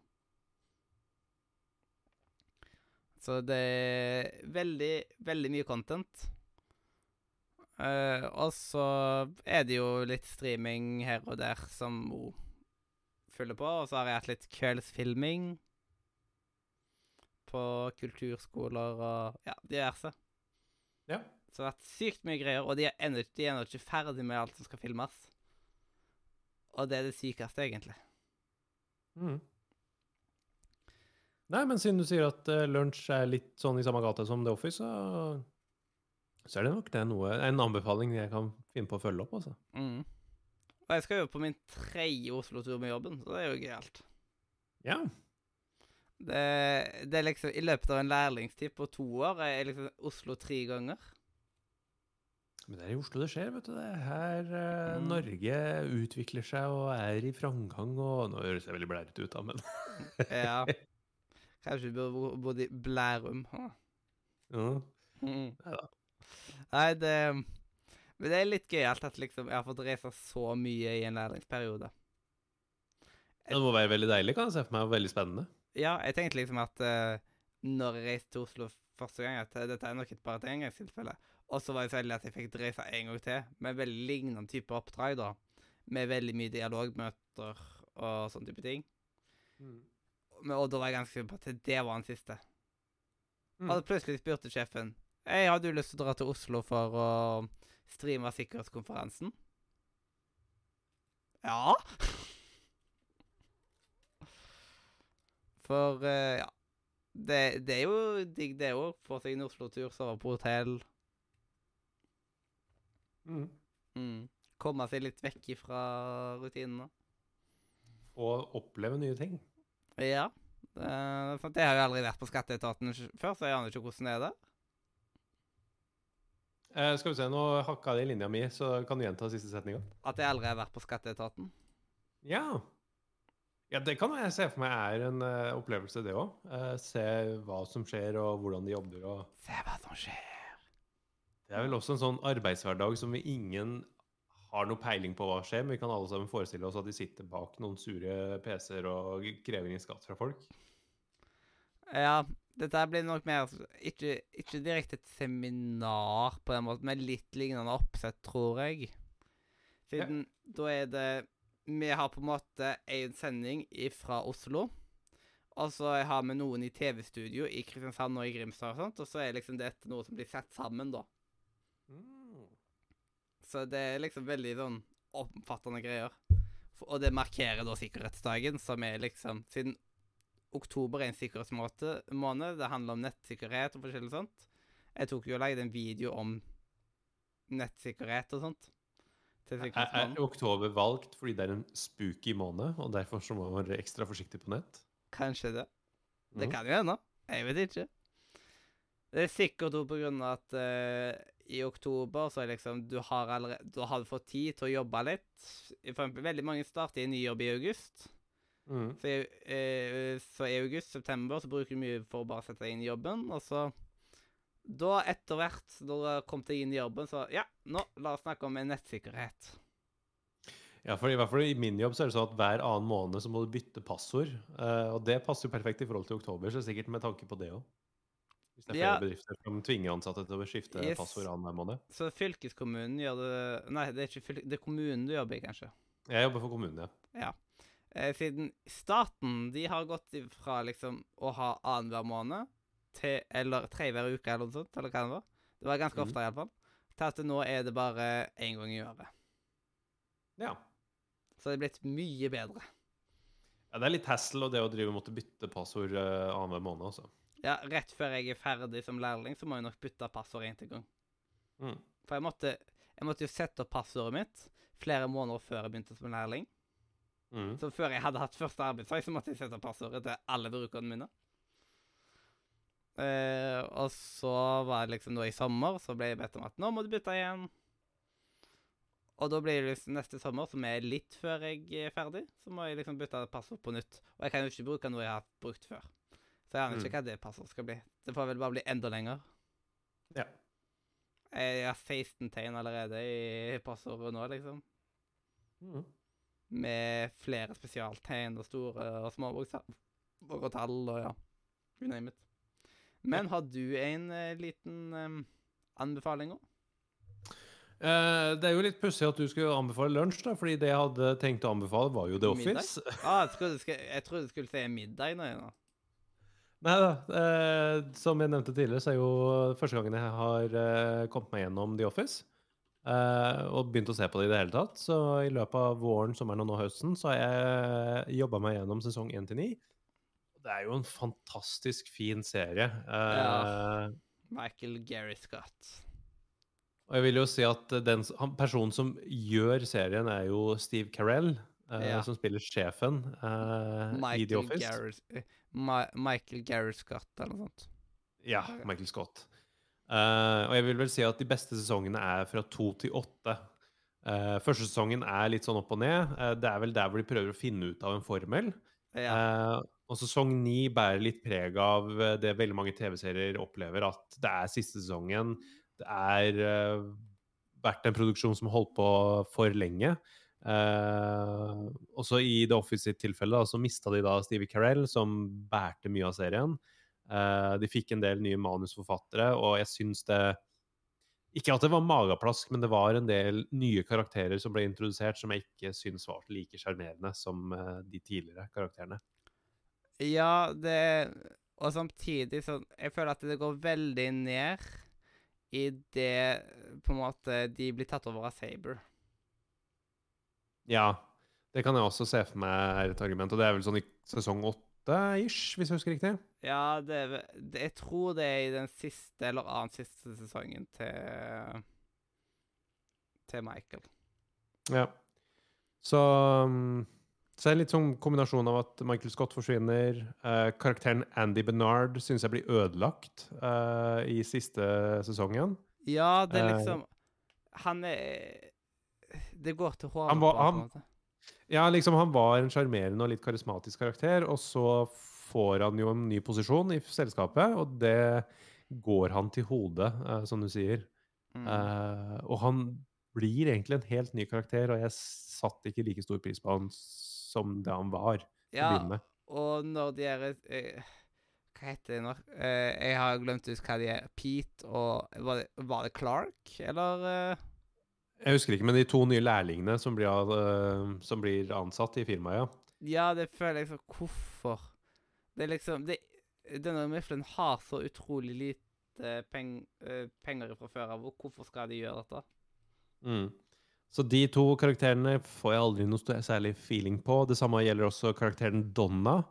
Ehm, ehm, Er hun, Nei. er hun britiske? ja, hun rødhåra, ja. Ja, det er liksom Eh. irrit- Åh, hun er, det, er liksom, det var irriterende når hun bare tar seg til rette og blir sjef og bare Så hvis du fjerner første sesongen og siste sesongen, så syns jeg sesong to til åtte er gull. Og det er mye der som er ordentlig reint gull òg. men klart, man må like litt sånn sitcom-humor. Man må like litt sånn småkleint uten at For jeg, jeg jeg klarer ikke hvis det blir for klein humor, men det der er min limit på klein humor, og jeg syns det er veldig bra.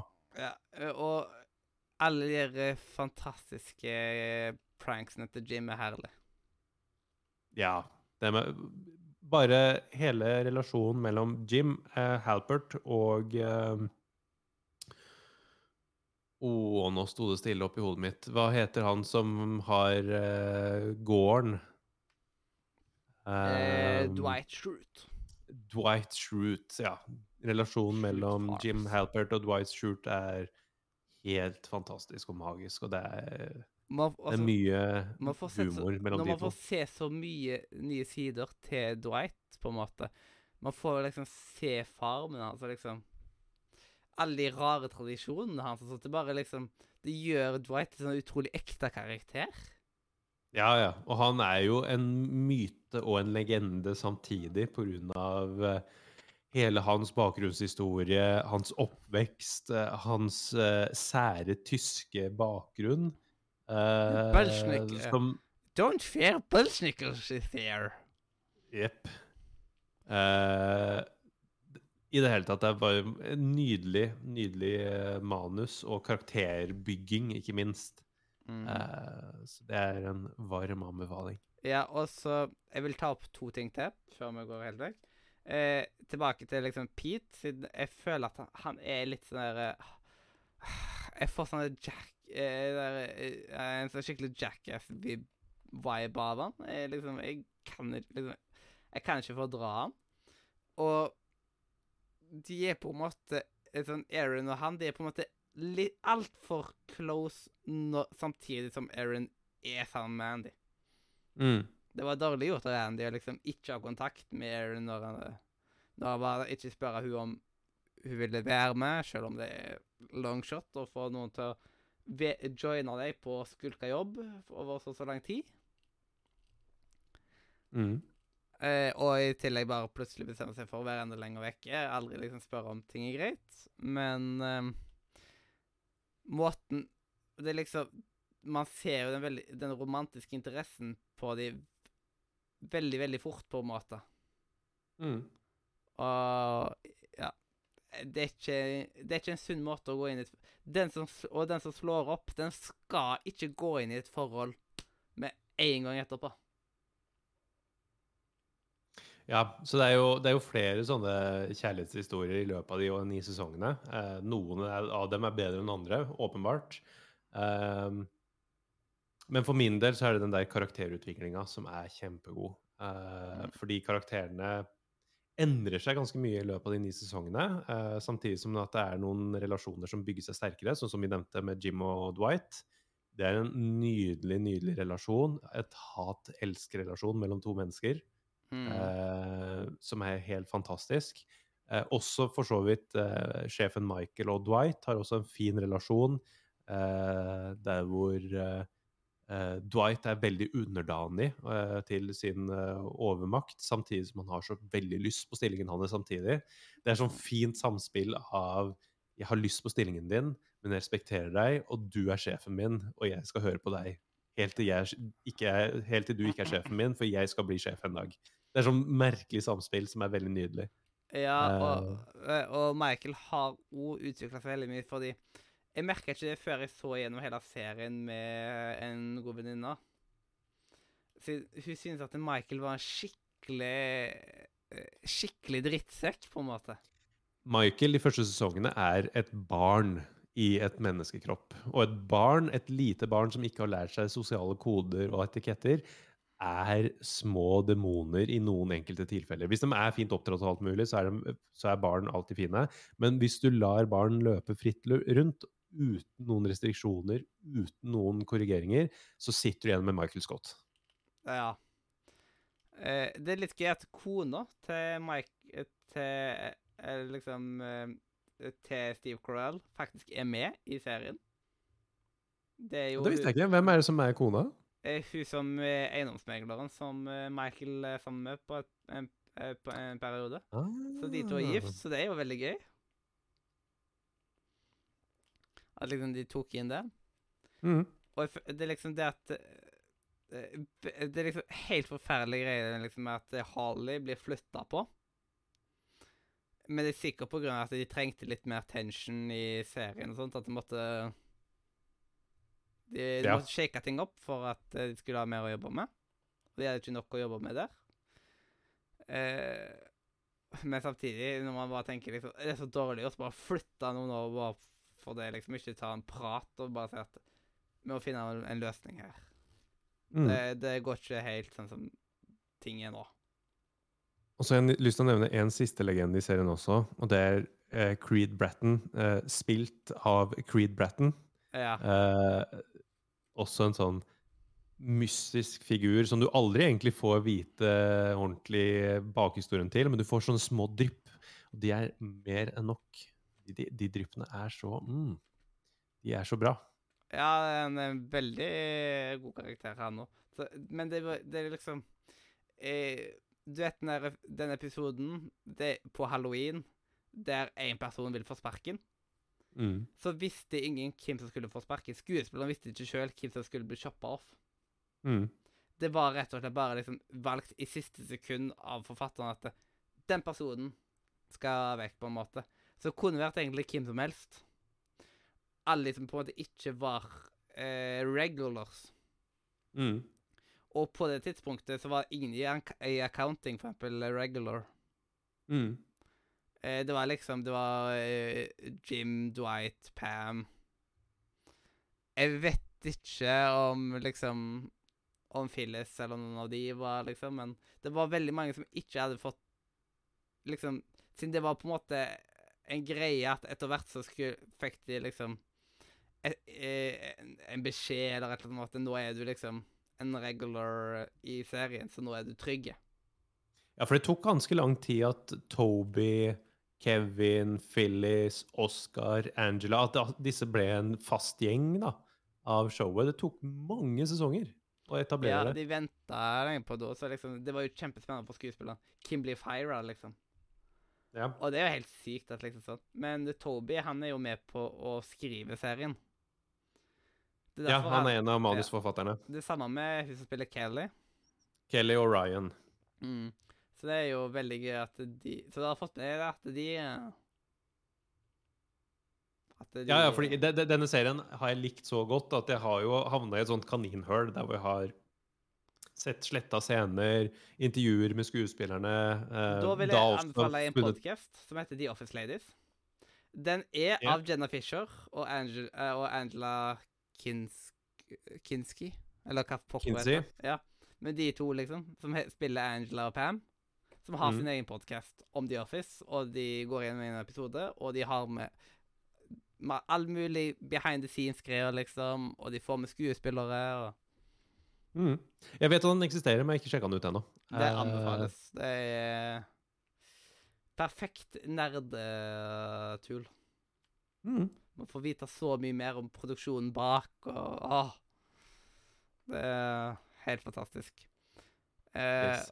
Og jeg føler at en, de, ga, eh, de ga Steve Carell en ver, verdig avslutning med Michael-figuren, med at de fikk inn Harley.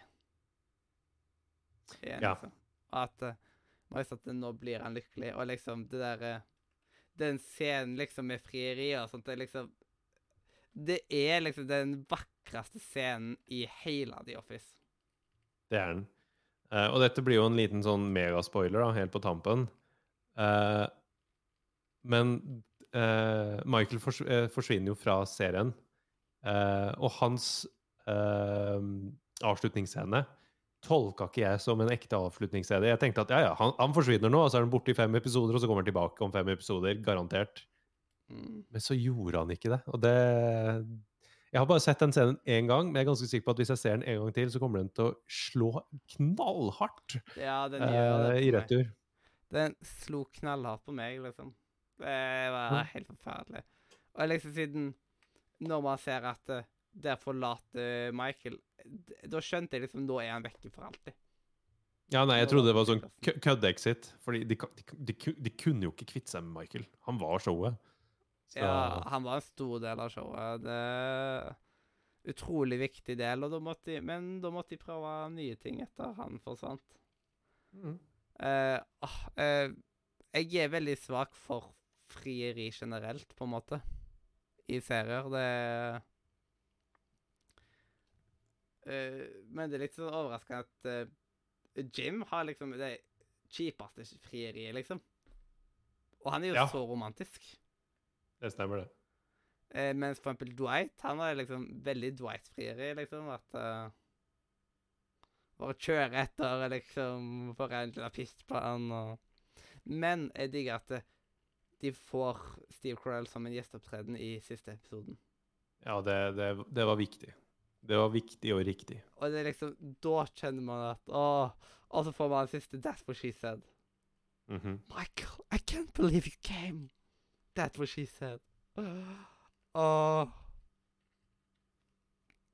Det Åh. Det var helt sykt.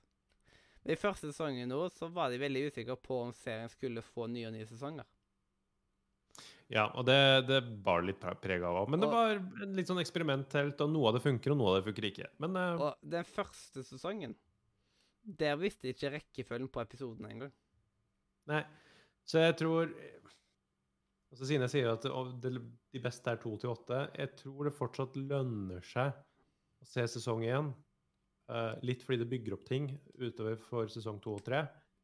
Men hvis du velger å hoppe til to, så har du ikke eh, Du har ikke ødelagt for deg sjøl heller, vil jeg påstå. Ja, eneren eh, Episode én det er liksom Den er ganske dårlig, egentlig. Det er Ja, det- nesten en scene for scene-remake av den britiske. Så, så hvis du starter opp The Office, gi det en god del episoder. Ja, og det er The Office Eh. US, hvis dere ikke har fått med dere det. det. Ja, vi snakker om den amerikanske. Det burde vi kanskje ha nevnt helt i starten. Ja, jeg tenkte med en gang på den amerikanske. Jeg, ikke, jeg glemte litt ut den britiske. Mm. Fordi jeg har sett så mye den amerikanske. Ja. Men eh, ja. Det, det var gøy å få nerda skikkelig ut om The Office. Ja, det er er ikke så ofte jeg får gjort det. Jeg sitter med så mye informasjon om den serien, så det er bare så godt å tømme seg. Fordi det er en sånn serie jeg aldri kommer til å lage podkast om uansett. Mm. Fordi jeg er ferdig med å lage podcaster om internasjonale serier. Ja. Den tida er forbi. Det var How Much Your uh, Podcast, og that's it. Mm. Fordi det er ikke vits i Internasjonale serier har 50 000 andre podcaster om seg sjøl. Ja, og når skuespillerne har laga sin egen podkast om serien også, så er det vanskelig å slåss mot Ja. de som har gullkontentet. ikke- Det er ikke vits i å slåss mot dem. Mye av informasjonen hadde jo bare vært en kopi av det jeg har hørt de sagt. Ja. Det, det har vært så feil på så mange måter. Men for eksempel How I Met Your uh, podcast, det var jo mer sånn at uh, jeg følte behovet for det fordi jeg hadde mye på hjertet om serien. Og de How I Met Your Mother-podcastene jeg hadde kommet over, de hadde stoppa etter sju og åtte episoder. Mm. Mens jeg, jeg lagde en full podcast-serie. Som ble ferdig i august. Mm. Det, det føltes ut som et livsverk, det der. Uh, helt sykt. Uh, men ja, det, dette her Dette var en av de gøyeste nerdvisionsene jeg har hatt på ganske lenge. Mm. Så det Det er stilig. Hm? Det er stilig. Jau. Eh, så håper det blir flere sånne. Det er godt å nerde litt. Og da kan vi ta et par ord i tulleordboka nå med dagens eh, godbit. Syns ikke du gjorde det? Som en liten Jo, sånn det får vi en humoristisk slutt på sendinga. Ja, det er flott. Dagens godbit. Å, godbit. Beste eh, jinglen ever. Med Stitch som sier godbit. Nei. Mm. Eh, ja. Eh, første ord i tulleordboka er eh, ru øh, russebuksa. Uh, en russebukse er Og det blir ikke noe morsomt engang heller. Det er uh, en bukse som russere bruker. Ja, en russerbukse, rett og slett. Ja. Ja. Eh, en eh, russebukse, det er egentlig bare liksom For at det skal være et litt finere navn, for det har ikke hørt så bra ut med rusbuksa. Men en eh, Det er liksom En, eh, en russebukse, den er rett og slett eh, fulgt opp med nåler og eh, Ja, diverse rusmidler, narkotika You know it. Alt det som ungdommen liker. Eh, og den har veldig store lommer, som at det går helt fint å ha, en, eh, ha et par ølbokser på, i sidelommen og sånt. I tillegg til at de faktisk har en veldig god sånn kjølende effekt. Som at du holder pilsen kald i den buksa, da. Så perfekt eh, bukse til fest. ja. Mhm. Eh, så ja. Neste, det er knekkebrød. Eh, knekkebrød er da Du får jo kjøpt to typer brød i butikken. Det er jo de som er uh, vanlige, tradisjonelle brød som du må skjære opp uh, sjøl, enten i maskin eller hjemme på kjøkkenbenken. Eller så har du da knekkebrød, som er de ferdigoppskåra i poser fra før. Ja, siden de er liksom ferdig knekt. De er ferdigknekt. Yes. Eh, eh, sånn, man har veldig mange ulike jobber her i landet, og en av de, det er rett og slett de som jobber med å eh, som eh, knekkebrød. Eh, det er rett og slett eh, Deres jobb det er at de skal knekke brød.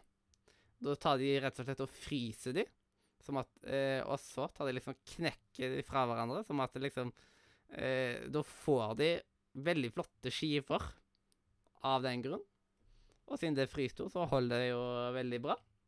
Så de gangene du har kj- kjøper ferdig oppskåret brød i butikken, så er det egentlig bare knekkebrød som har tatt og knukket de ferdig for deg. Ja. Mhm. Jeg ser også nå i ordboka, mens jeg har den faktiske ordboka, at eh, det å knekke kan også det å bryte eller få høl på noe. Eh, Så jeg satt og tenkte på, er det da brødskiver du kan kun spise når du spiser ost med høl på? Ja, kanskje det. Mm. Eh, og det siste ordet i dag, det er rett og slett brødrister. Uh, Den åpenbare vitsen som ligger der, er jo da en eh, maskin som eh, rister godt i brødet, sånn at kullsyra i surdeigen skal gå helt ut før du begynner å spise brødet. Ja. En brødrister, det er litt sånn som knekkebrød og sånt. Det er rett og slett eh, Det er et veldig, veldig gammelt yrke. Der du rett og slett skal eh, ta og riste i brødet. Eh, og til slutt da, så får det en litt sånn stivere konsistens. Eh, så det er rett og slett da jobben til brødristerne. Det er et elendig betalt yrke, men eh, du trenger ingen utdannelse for å bli en brødrister. Er det også de samme folkene som jobber med å riste nøtter og mandler til på julestier? Ja, jeg tror det at de liksom eh, at eh, Og at det, er noen som får litt sånne sesongjobber òg, da. Siden da trengs Ja. det jo litt mer enn til vanlig. Så det er liksom sesongmedarbeidere. Mm. Sesong, sesongbrødristere. Eh, så det var rett og slett tulleordboka for i dag. Yes. Mm. Men eh, det er jo gøy, det. Å flire litt og sånt. Og da har vi jo til slutt eh, dagens eh, bistandsord. Og dette her passer jo veldig godt eh, for eh, For deg. Eh, så vær så snill hvis du ser at en elev har gjort dette her, så bare ta og kommenter det til dem. Eh, Fordi skal du ha en prøve du vet du kommer til å feile, skriv med glitterpenn, for da kan du stryke med glans. Oho. Ja. Ja. Jeg vet ikke om det kommer til å ha noe utslag eh, på karakter, men eh, ja. Mm. Jeg kan være enig i at man eh, stryker da med glans. Mm. Eh, siden hvis du ser at noen da har skrevet med glitterpenn, og det er egentlig helt Det er liksom ingenting rett, så bare si 'Gratulerer, du strøyk iallfall med glans'. Mhm. Da ser jeg liksom om noen catcher det. Kanskje det er det jeg skal gjøre Nei, jeg skal ikke gjøre det. Men eh, det hadde vært moro å bare dele ut uh, tusjer til alle sammen med uh, glitter på. Ja. Bare for å dra den vitsen. Men nei, jeg kan, jeg kan aldri gjøre det, for da får jeg sparken. Så hei. ja. Men veldig gøy at akkurat den skulle komme opp nå når du var med. Ja. Det, det liksom aldri hatt noe lignende. Liksom, det kunne faktisk ikke passa bedre. Det er perfect timing. Perfect timing. Ah, det, det, Nå kjente jeg liksom at uh, Godt å le litt. Det. Så nå avslutter jeg med litt sånn enkelt visdomsord der òg. Yes. Og da er vi rett og slett i mål med episoden. Og da må vi Yes. si takk for at du kunne være med igjen. Det er bare lenge siden nå. Ja, det var lenge siden sist, og tusen takk for at jeg fikk lov til å bli med på denne episoden. her. Det var gøy å komme tilbake, og jeg ser fram til eh, neste besøk òg. Jeg håper du får muligheten til å være med på Spillkveldprisen. Det Ja. hadde vært fint å få med. Neste avspasering er juleavspaseringa. Mens alle har juleferie, så avspaserer jeg jula. Så da får vi håpe at det er noe da, eller før den tid. Ja, i alle fall at du må få en litt roligere periode snart. Det, det, det er ikke greit. Ja, men nå, nå begynner vet du, utviklingssamtaler og møter på ettermiddagen og ha sånn tolv timers arbeidsdager, og det blir koselig. Uff, uff, uff. Nei, takk for at du hørte på, enten om du hørte på oss live på Twitch eller i opptak på Spotify, iTunes, YouTube, hvor enn du liker å høre på podkast. Eh, introen og outroen er laga av eh, Katrine. De andre jinglene er laga av Jon Edvard Genius, meg sjøl. Eh, ja, vi fikk dessverre ikke høre Adrian Jaffa Saltveit eh, sin flotte stemme i Nise. Det er iallfall uh, de jinglene som, eh, som er. Ta og Sjekk ut linken i beskrivelsen, spesielt discord.nordremedia.no, som er link til Discord-serveren som vi sitter og prater i akkurat nå. Og ta, ta godt vare på deg sjøl. Hjertelig. Jeg kan ikke avslutningsordene lenger.